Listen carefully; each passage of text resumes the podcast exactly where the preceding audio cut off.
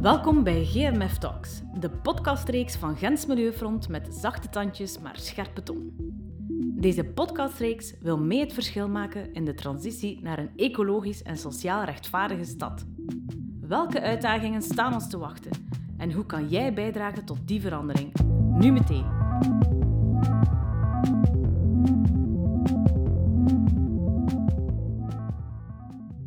Ik ben Roselien, jullie host van deze podcast, en bij mij zit Elina Bennetson.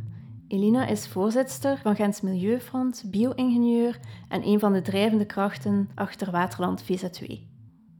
Dag Elina, welkom. Dag Roselien. Je hebt de eer te gast te zijn bij onze allereerste aflevering van onze podcast. Fantastisch. In 2018 heb jij voor Gens Milieufront enkele wandelingen georganiseerd in Gent met als thema een klimaatrobuuste stad. Waarom was het zo interessant om over dit thema een wandeling te organiseren? Een klimaatrobuuste stad, uh, waarom heb ik dat thema toen gekozen? We, we, weten allemaal dat de klimaatverandering ja, dat die gaande is en dat die op ons afkomt. Um, en in de stad komt daar eigenlijk een extra uitdaging bij, doordat we met veel bij elkaar wonen, dat we die stad ook moeten inrichten dat die om kan gaan met die klimaatverandering. Dat we nog altijd goed en een kwaliteitsvol leven kunnen hebben. En naast de algemene stijgende temperatuur en extremere weersfenomenen uh, is de verwachting ook in de stad dat daar meer last van zal zijn. Dus dat er meer droogte zal zijn, meer wateroverlast en meer hitte. Um, en dat heeft te maken met iets wat dat men noemt het stedelijk hitte-eiland. Een stedelijk hitte-eiland, hoe ontstaat dat dan? Het stedelijk hitte-eiland is eigenlijk het, uh, een fenomeen waarbij we vaststellen dat de temperatuur in steden of in verstedelijkte gebieden gemiddeld hoger ligt op warme dagen dan in landelijke gebieden. En dat gebeurt eigenlijk omdat de materialen in een stedelijke omgeving anders zijn dan in een landelijk gebied waar veel vegetatie en open bodem is. We hebben hier veel meer verharding, uh, bouwmaterialen enzovoort. En door, die verschil, door dat verschil in materiaalkeuze um, zal de straling die van de zon komt op een andere manier verwerkt worden. De warmte die geproduceerd wordt door de zonnestraling zal in landelijk gebied door vegetatie anders geabsorbeerd worden en zal ook een stuk verwerkt worden in, in energie om water te verdampen. In een stad is dat proces veel minder en zal die energie veel meer worden opgenomen in gewoon gebouwen en materialen opwarmen. Waarom? Omdat die materialen van, van hun eigen sneller opwarmen. Twee, omdat er ook geen, minder vegetatie is die kan verdampen en die dus eigenlijk een stuk van die energie gaat verbruiken. Dus meer warmte blijft eigenlijk in de stad hangen zo. In de basis is dat een beetje het probleem. Maar er zijn natuurlijk ook nog andere zaken die, da die dat nog extra versterken of daar nog een rol bij spelen. Zo is het ook dat, in, zo dat er in de stad vaak veel nauwe straten zijn, waardoor de wind ook een, ander, een andere snelheid gaat hebben. Warmte dus ook minder snel afgevoerd kan worden. En dat alles leidt er eigenlijk toe dat we vooral zien dat s'nachts eigenlijk een hitte-eiland gaat optreden. Overdag is de gemiddelde warmte op, op hittegolfdagen in landelijk gebied en stedelijk gebied ongeveer hetzelfde. Maar s'nachts zie je een verschil van gemiddeld 3 graden met tot pieken van 6 tot 8 graden zelfs. Zien we dan ook een verschil tussen de kern, de binnenstad en de omgeving tussen de binnenstad en de rand van de stad? Voelen we daar dan echt een verschil in temperatuur in, tijdens de hittegolf? Ja, dat voel je dus echt. Hè. Dus het heeft een stuk te maken met hoe warm het voelt, maar ook met hoe warm het echt is. En er is wel degelijk een verschil tussen um, de echte binnenstad, die volledig versteend is en zeer dicht bebouwd, en iets meer randgebied. In Gent is er bijvoorbeeld een meetnetwerk waar, dat, waar het gemeten wordt en ziet men dat in het Citadelpark uh, er eigenlijk een dip in de temperatuur toch is, omdat daar zo'n grote groenvlakte zit. Dus ten opzichte van het landelijke gebied is het daar wel nog altijd warmer, maar het is daar minder warm dan bijvoorbeeld aan het provinciehuis aan de Reep. En dat is eigenlijk fantastisch nieuws en daar gaat een klimaatrobuuste stad zijn ook juist over. Er zijn eigenlijk ingrepen die we kunnen doen, ingrepen die we kunnen nemen in het stedelijke weefsel, die een klimaatrobuuste stad maken en die dat hitte-eilandeffect gaan temperen. En het gaat over die uitdaging, waar, daar ging die wandeling eigenlijk over. Hoe pakken we dat aan? Um, waar zijn daar ook voorbeelden van te vinden in Gent enzovoort. En zijn er dan uh, voor Gent bepaalde pijnpunten of plaatsen waar, dat het, waar dat de situatie eigenlijk heel onaangenaam is tijdens een hittegolf? Uh, Gent heeft een aantal wijken die echt hittestress kunnen ervaren in de zomer. Um, vooral de binnenstad heeft daaronder te lijden, maar ook een aantal van de zeer dichtbevolkte wijken, zoals Muiden-Meulensteden en Dampoort, zijn er ook uh, een heel aantal wijken. Ledenberg is een van de grootste uh, hittecentra, een beetje. En dat gaat ook een stuk allez, gepaard met meer problemen ook naar sociale isolatie toe, om, omdat mensen daar ook dichter op elkaar wonen en die hittestress ook, ook harder gaan ervaren op die manier. Uh, je hebt ook weinig plaats om naartoe te, te gaan, om afkoeling te gaan zoeken, want daar is ook veel hitte, omdat daar ook niet zoveel grote groene zones zijn, bijvoorbeeld, waar je zou kunnen gaan. Maar tegelijk heeft Gent ook wel heel veel troeven die mits beleid ertoe zouden kunnen leiden dat we dat echt wel kunnen aanpakken. Gent ligt aan het water. Water is één van de factoren die kan bijdragen tot een reductie, tot een daling van die hittestress. Uh, waarom? Omdat water verdampt. Hè. En zoals ik zei, heeft het onder andere te maken met energie die ja, niet wordt omgezet in verdamping, maar die dus eigenlijk gewoon warmte wordt. Dus als we wel meer verdamping weer kunnen creëren, gaat dat een stukje dat gaan temperen. Um, maar het belangrijkste is vooral de combinatie water-vegetatie. En vegetatie, dan spreken we vooral over bomen om twee redenen. Hè. Opnieuw die verdamping, maar ten tweede ook schaduw. Omdat schaduw er ook voor zorgt dat bepaalde oppervlakten gewoon minder gaan opwarmen, omdat daar de temperatuur onder die schaduw lager gaat zijn. Dus dat biedt zowel verkoeling om weg te vluchten van de hitte, maar het draagt ook echt bij tot minder hitteopbouw tijdens een lange hittegolf bijvoorbeeld. Moeten we ook nadenken over welke vegetatie dat we gebruiken in de stad? Welke bomen dat er misschien meer bijdragen tot een verkoelingseffect en welke bomen dat er ook meer hittebestendig zijn? Dat is zeker iets wat dan meegenomen moet worden. Hè? Dus doordat er meer hittestress is en ook meer droogte en extreme wateroverlast soms in steden en dat de verwachting is dat dat meer gaat worden in de toekomst, moet daar voor vegetatie gekozen worden die daar goed mee om kan. Dus het moeten bomen zijn die met een beetje hitte en droogte om kunnen gaan, zoals lindes, essen, platanen, de typische stadsbomen eigenlijk. Um, maar tegelijk moet daar ook de keuze gemaakt worden om niet op één soort in te zetten, maar nog altijd een diverse vegetatie aan te brengen in de stad zodat die vegetatie ook lang gezond blijft en niet kan getroffen worden door één ziekte omwille van een monocultuur van bomen overal, van dezelfde boom overal. En moeten de omstandigheden ook gemaakt worden dat die bomen en andere vegetatie goed kunnen blijven groeien. De ondergrond is vaak verhard. Uh, en het is niet omdat we de, de bovenste 20 centimeter ontharden en een laagje aarde leggen, dat die bomen genoeg kunnen wortelen. Hè. Onder de grond liggen er ook heel veel leidingen enzovoort. Er is een hele uitdaging wel om ook voldoende ruimte te creëren. Als we dan echt spreken over in de versteende ruimte, hè, dus in de binnenstad, niet in parken uiteraard. Om voldoende straatbomen te creëren die ook groot genoeg kunnen worden, zodat ze schaduw werpen en dat ze lang kunnen blijven groeien eigenlijk. Dat vraagt wel een, een stukje aangepast beheer. Vind je dat de stad Gent in de voorbije jaren genoeg heeft ingezet op dat thema om onze stad klimaatrobuuster te maken? Stad Gent was denk ik een van de eerste steden in Vlaanderen die dat thema echt omarmd heeft, um, al in de vorige legislatuur. Het is in de vorige legislatuur vooral gefocust geweest op kennisopbouw. En dat is ook verstaanbaar, hè? want dat, dat vraagt ook een beetje nieuwe inzichten van ja, hoe moeten we dat nu gaan aanpakken. En een aantal ingrepen moeten ook uitgetest worden van wat is nu het effectiefste, hè? Wat, wat gaat nu het beste werken. Ehm, en dus tot, tot dan zijn er vooral studies en plannen gemaakt. Dus het probleem is in kaart gebracht en men heeft een aantal projecten al aangeduid waar men eigenlijk ontwerpplannen heeft uitgewerkt. En ik hoop nu wel dat er deze legislatuur ook daadwerkelijk werk wordt van gemaakt. Er zijn een aantal voorbeelden, ehm, zoals het Kettingplein in de Brugse Poort, um, waar men eigenlijk een, een waterplein van zou maken, waar tijdelijk water kan opgevangen worden bij hevige wateroverlast. Eh, maar waar men ook een stuk gaat gaan vergroenen.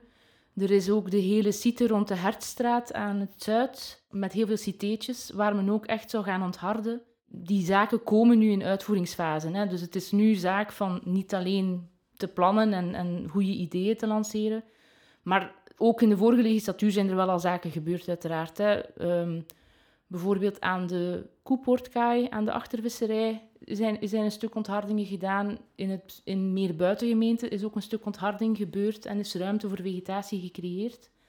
En verder is er eigenlijk al heel lang sprake in Gent van de integratie van de acht groenklimaatassen en de vier groenpolen. Um, waar men dan echt blauw-groene netwerken doorheen de stad zou gaan trekken. En dat is natuurlijk de ultieme oplossing, omdat je dan structureel op grote schaal, uh, op, op, op, schaal van de hele stad, eigenlijk blauw en groen gaat gaan verweven. Um, die plannen zijn er al lang. De uitvoering daarvan, van de groenpolen, loopt. Van de klimaatassen uh, struikelt men daar soms op, op, op eigendomssituaties of, of op het feit dat men gewoon de ruimte niet heeft om daar dan eigenlijk die visie te gaan ontwikkelen. Dus het, het blijft telkens in de beleidsplannen staan. Dus het blijft telkens een prioriteit. Dus ik hoop ook dat dat zo blijft en dat er nog meer uitvoering van komt. Want daar zit wel echt een sleutel in. Omdat Gent dan eigenlijk een soort uh, lobbestad zou worden. En een lobbestad, ja, de luisteraars kunnen het niet zien, maar ik steek mijn hand nu op. De lobbestad is een beetje als een uitgespreide hand met uw vijf vingers, waar dat uw vingers eigenlijk blauw-groene assen zouden zijn die tussen het stedelijk weefsel, de ruimte tussen uw vingers zouden zijn. Dus, um, waardoor dat je eigenlijk ja, als een, uh, een structuur van de stad krijgt die er een beetje uitziet als een hand waar groene en blauwe polen gaan tussenlopen eigenlijk. Ja. Gent heeft daar dan wel een voordeel in dat we toch met redelijk wat binnenwater zitten binnen onze stad. Ik moet nu denken aan de aanleg van de reep een aantal jaar geleden, waarbij men de waterloop opnieuw heeft hersteld. Maar het viel mij op dat er maar heel weinig groen aanwezig was. Is dat dan niet een gemiste kans om, gelijk zegt, die blauw-groene assen te verwezenlijken? Ik deel daar een beetje uw mening. Puur vanuit het klimaatadaptatiestandpunt of vanuit het bestrijden van het hitte-eiland is die keuze een beetje jammer dat men daar eigenlijk voor versteende kaders is gegaan. Maar daar word je ook geconfronteerd met de realiteit dat je in een uh, historische stad zit waar ook erfgoedaspecten spelen. Tegelijk is dat ook een waterloop waarop gevaren wordt. Wordt ook beheerd door uh, de waterbeheerder die scheepvaart eigenlijk uh, regelt. En daar is een beetje een spanning tussen groene oevers, harde kades, makkelijker in onderhoud. En dat vraagt volgens mij vooral nog een transitie in cultuur en in houding daar naartoe. Hè, in het zien van groen niet als een overlast die ons meer beheer en meer last gaat bezorgen, maar het zien van groen ook als een opportuniteit die meer leefkwaliteit en leefbaarheid gaat geven. Maar soms stoot je op tegenstrijdige doelstellingen en ik, ik denk dat in de reep daar wel een aantal keuzes zijn gemaakt. Ook omwille van het feit dat men de historische kaaimuren een stuk wil herstellen en dat die niet in de beste staat waren, is, is wat ik een stuk heb verstaan. Dus dat vegetatie daar een uitdaging zou gevormd hebben. Maar het is waar dat als je echt dat water had willen inzetten voor hitte te bestrijden, was een vergroening van dat stukje wel nuttig geweest. Het is natuurlijk wel zo, doordat er een nieuwe waterloop is uitgegraven, wordt er wel meer water opgevangen en geborgen in de stad. Dus naar wateroverlast toe en het opvangen van overmatig regenval, ja, hebben we natuurlijk gewoon een enorm volume bijgecreëerd. En daar is het zeker een oplossing voor. En je gaat niet op alle plaatsen alle doelstellingen tegelijk kunnen halen. Maar uh, wateroverlast is één aspect van klimaatrobuust zijn of, of aan klimaatadaptatie werken. Maar hittebestrijding vraagt meer dan enkel water in de stad aanwezig brengen eigenlijk.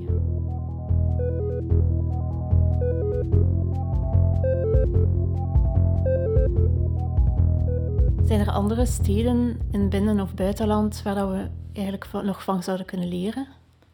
Um, die zijn er zeker. Um, een van de traditionele uh, lobbesteden die soms genoemd worden, is bijvoorbeeld Kopenhagen, die eigenlijk zo'n model een beetje heeft. Ik kijk ook naar Berlijn, dat eigenlijk uh, enorm veel grote groene oppervlaktes heeft in de binnenstad. En, en allee, over het hele grondgebied eigenlijk, waardoor gewoon heel veel vegetatie aanwezig is. Um, Maar dat zijn natuurlijk ook steden die in een andere periode, die, die een stuk herbouwd zijn en een stuk in een andere periode groot zijn geworden, vaak veel bredere straten hebben dan bijvoorbeeld de binnenstad in Gent. Een andere stad waar ik veel goede dingen over hoor, is bijvoorbeeld Parijs, uh, waar de burgemeester van Parijs echt wilt inzetten op vergroening uh, van alle straten, van alle daken. Maar die ambitie is er ook in Gent. Hè. Dus het, ik, ik denk dat dat ook een stukje gelijk loopt. Hè.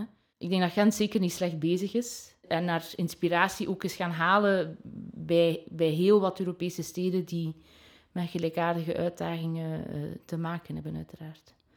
In Vlaanderen en Gent hebben we eigenlijk maar heel weinig flatgebouwen of hooggebouwen. Is dat uh, een positief aspect of is dat net negatief uh, als we willen die hitte tegengaan? Stedelijke structuur, dus hoe gebouwen samen een, een landschap vormen of een, een, structuur vormen, speelt een rol. Als je een, een lange straat met alleen maar uh, wolkenkrabbers zou maken aan beide kanten, dan heb je een probleem, want dan creëert je een soort canyon, street canyon. Maar eigenlijk uh, is dat ook iets wat we wel in Gent hebben, zelfs zonder wolkenkrabbers. Hè. Een, een, typisch voorbeeld van een van de street canyons in Gent is de Keizers Karelstraat, met een aantal hoge herenhuizen aan beide kanten. En dat is eigenlijk een vrij smalle straat. Sommige mensen gaan daar misschien al een keer van gehoord hebben in het kader van luchtvervuiling, dat dat niet goed is omdat die daar blijft hangen. Ja, net zoals luchtvervuiling blijft ook hitte een stukje hangen in die street canyons. Die straling gaat daar ook weerkaatst worden naar beide gevels toe, um, waardoor de warmte nog meer geabsorbeerd wordt en niet weg kan ook. En de wind gaat daar ook op een andere manier... Ja, de wind gaat, gaat op een andere manier waaien door de stad. Zeker door een stad met veel nauwe straten, dan bijvoorbeeld over een open veld of op een open plein. En dat betekent dus ook dat als je aan, aan hitte iets wilt doen, dat je eigenlijk op verschillende schalen aan je stad moet werken en dat dat gaat over individuele gebouwen, misschien gaan vergroenen, wat dat mensen misschien rap aan denken, een groen dak, een groene gevel, mijn tuin aanpakken, uh, de straat ontharden, maar tegelijk ook op wijkniveau en stadsniveau gaan kijken hoe kan ik een spel van lage en hoge gebouwen en groene vlaktes gaan maken waar de wind op een uh, betere manier gaat gaan doorstromen, zodat de warmte ook sneller afgevoerd worden s'nachts eigenlijk. Dus er zijn verschillende schaalniveaus die daar wel een rol bij spelen. Hoe kijk jij naar de toekomst? Zullen we in Gent in de toekomst nog meer last krijgen van dat hitte-eiland-effect? De verwachting is dat dat gaat toenemen. Hè? Dus als de klimaatverandering gaat leiden tot meer extreme weersfenomenen, uh, betekent dat dat we ook meer hittegolven gaan krijgen. Um, en hittegolven zijn echt niet vast voor het ervaren van dat hitte-eiland-effect. Waarom? gezien het zich vooral s'nachts voordoet, als we één warme dag hebben, ja, twee dagen later is dat verschil zich weer al een beetje uitgemiddeld en gaat het minder hittestress opleveren, echt. Maar natuurlijk, als je tien dagen aan een stuk 30, 35 graden hebt en het koelt s'nachts niet af, dan komt er steeds maar meer warmte bij en gaat je ook overdag een verschil beginnen gaan opbouwen, omdat er gewoon uh, in de stad meer warmte al zit en maar blijft bijkomen, terwijl het in het platteland s'nachts wel een stuk verder kan afkoelen. Um, dus als er meer hittegolven gaan komen en ze gaan ook extremer en warmer zijn, dan is de verwachting wel dat, dat ook het hitte-eiland meer tot uiting gaat komen. Ja. En dat is ook een vaststelling. Hè. De Vlaamse Milieumaatschappij uh, en, en MIRA, het Milieurapport, uh, hebben ook vastgesteld dat er een toename is van het aantal hittegolfdagen eigenlijk, uh, in Vlaanderen te koer maar ook in de steden. Dat daar ook nog een extra aantal dagen eigenlijk bij is. Als we in de toekomst veel meer te maken gaan krijgen met hittegolven, is het dan niet een fijn idee om te denken dat we in onze rivieren, dat we onze rivieren ook kunnen gebruiken als een vorm van verkoeling en dat we in onze eigen stad uh, meer zwemgelegenheid creëren? daar droom ik eigenlijk van, hè, dat dat inderdaad zo zou zijn. Um, belangrijk is inderdaad om, om aan hittestress te voldoen. Het is belangrijk als we hittestress willen verminderen en een oplossing willen bieden, moet je verkoeling aanbieden, onder andere. Je moet een aantal zaken doen. Hè. Je moet uiteraard opvolgen dat mensen die zeer gevoelig zijn voor hitte ja, bezocht worden, dat ze niet ziek worden, want dat leidt wel echt tot gezondheidsproblemen. Maar verder, om gewoon ook een aangename, leefbare stad te hebben, moet er toegang zijn tot plaatsen waar je kan afkoelen. Dat is een stuk schaduw, in het park, eh, op een plein zelfs, onder een boom. Maar dat is ook uh, inderdaad in het water eventueel kunnen springen. En um, dat kan voorlopig alleen nog maar in de Blaarmeersen in Gent. Wij hopen, onder andere met Waterland VZ2, waar ik ook vrijwilliger ben, dat dat op veel meer plaatsen gaat kunnen in de toekomst uiteraard we hopen met Waterland VZ2 dat er dus veel plekken bij komen waar er kan gezwommen worden in Gent. En we staan daar ook niet alleen in. Hè. Um, vorige week, we zijn vandaag eh, begin april, vorige week was het even 24 graden. Er waren er al mensen van de, park aan, eh, van de brug aan het Keizerspark aan het springen. En vorige zomer uh, waren er ook enorm veel mensen die in het hout ook gingen zwemmen. Um, en dat zijn officieel geen zwemplaatsen. En daar wordt niet alleen in Gent, maar in heel Vlaanderen wordt op wildzwemmen en op zwemmen overal uh, zeer krampachtig gereageerd, omdat dat niet mag, omdat men de veiligheid niet kan, kan garanderen. Om twee redenen. Eén, het is niet altijd proper genoeg. Twee, er ligt ook van allerlei fysiek afval in de waterlopen waar je echt aan kunt kwetsen. En ten derde zelfs misschien, eh, hier in Vlaanderen hebben we niet echt een cultuur van zwemmen en elk jaar sterven er ook wel een aantal mensen bij wildzwemincidenten die ja, eigenlijk niet goed weten hoe dat je correct zwemt in open water. Hè? Hoe dat je omgaat met het risico op koude shock enzovoort. Of met bepaalde stromingen die misschien in bepaalde waterlopen kunnen optreden.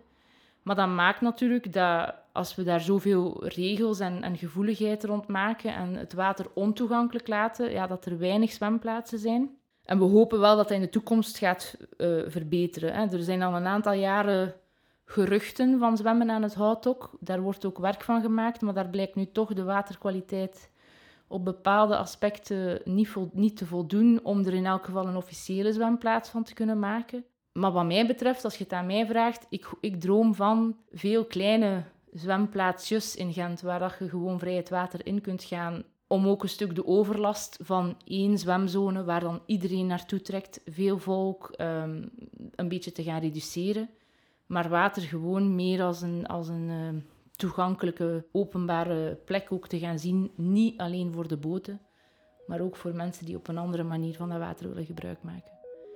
En dat is, dat is deel van de strategie in, om, in, om te gaan met dat hitte-eiland, is afkoeling aanbieden.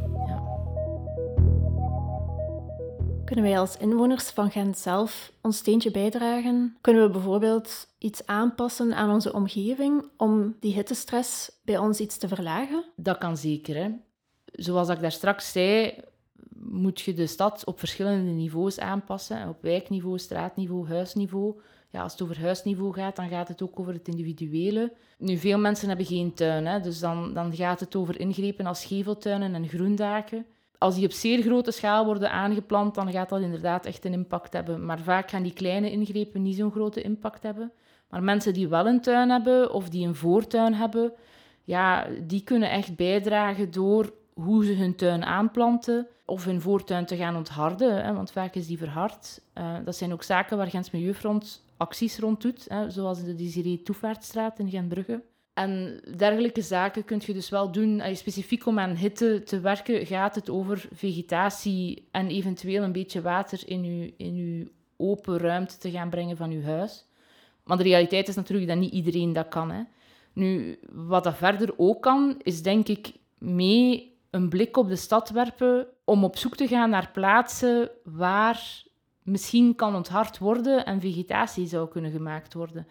Um, waar, waar we eigenlijk vaststellen dat er verhardingen zijn die er in het verleden gekomen zijn, maar die weinig nut hebben, omdat er geen verkeer over gaat en omdat de voetpaden breed genoeg zijn. En om mee alert naar je eigen omgeving te kijken en daar misschien ook gewoon signalen van om te geven richting bestuur. Hè, van hey, hier ligt eigenlijk wel ontharding. Of richting GMF, misschien kunnen we wel komen helpen hier ligt eigenlijk wel ontharding die misschien weg kan, waar dat op ingegrepen kan worden, om daar dan een stukje groen te gaan integreren, bijvoorbeeld. Kan je om af te ronden nog eens uh, kort samenvatten, hoe moeten we nu dat hitte-eiland juist aanpakken?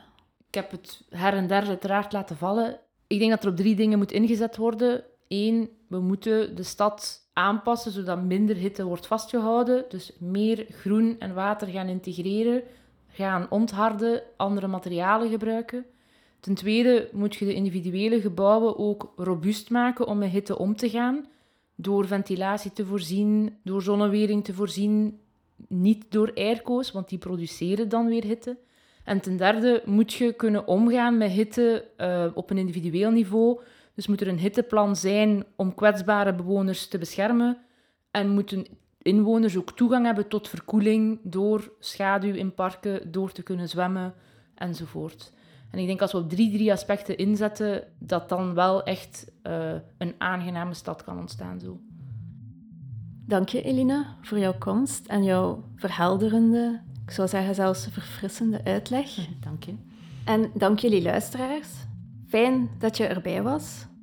Extra info, tips over hoe je zelf aan de slag kan en lopende acties, allemaal rond het thema van deze aflevering, kan je vinden gewoon door te klikken op de link die je vindt bij deze podcast.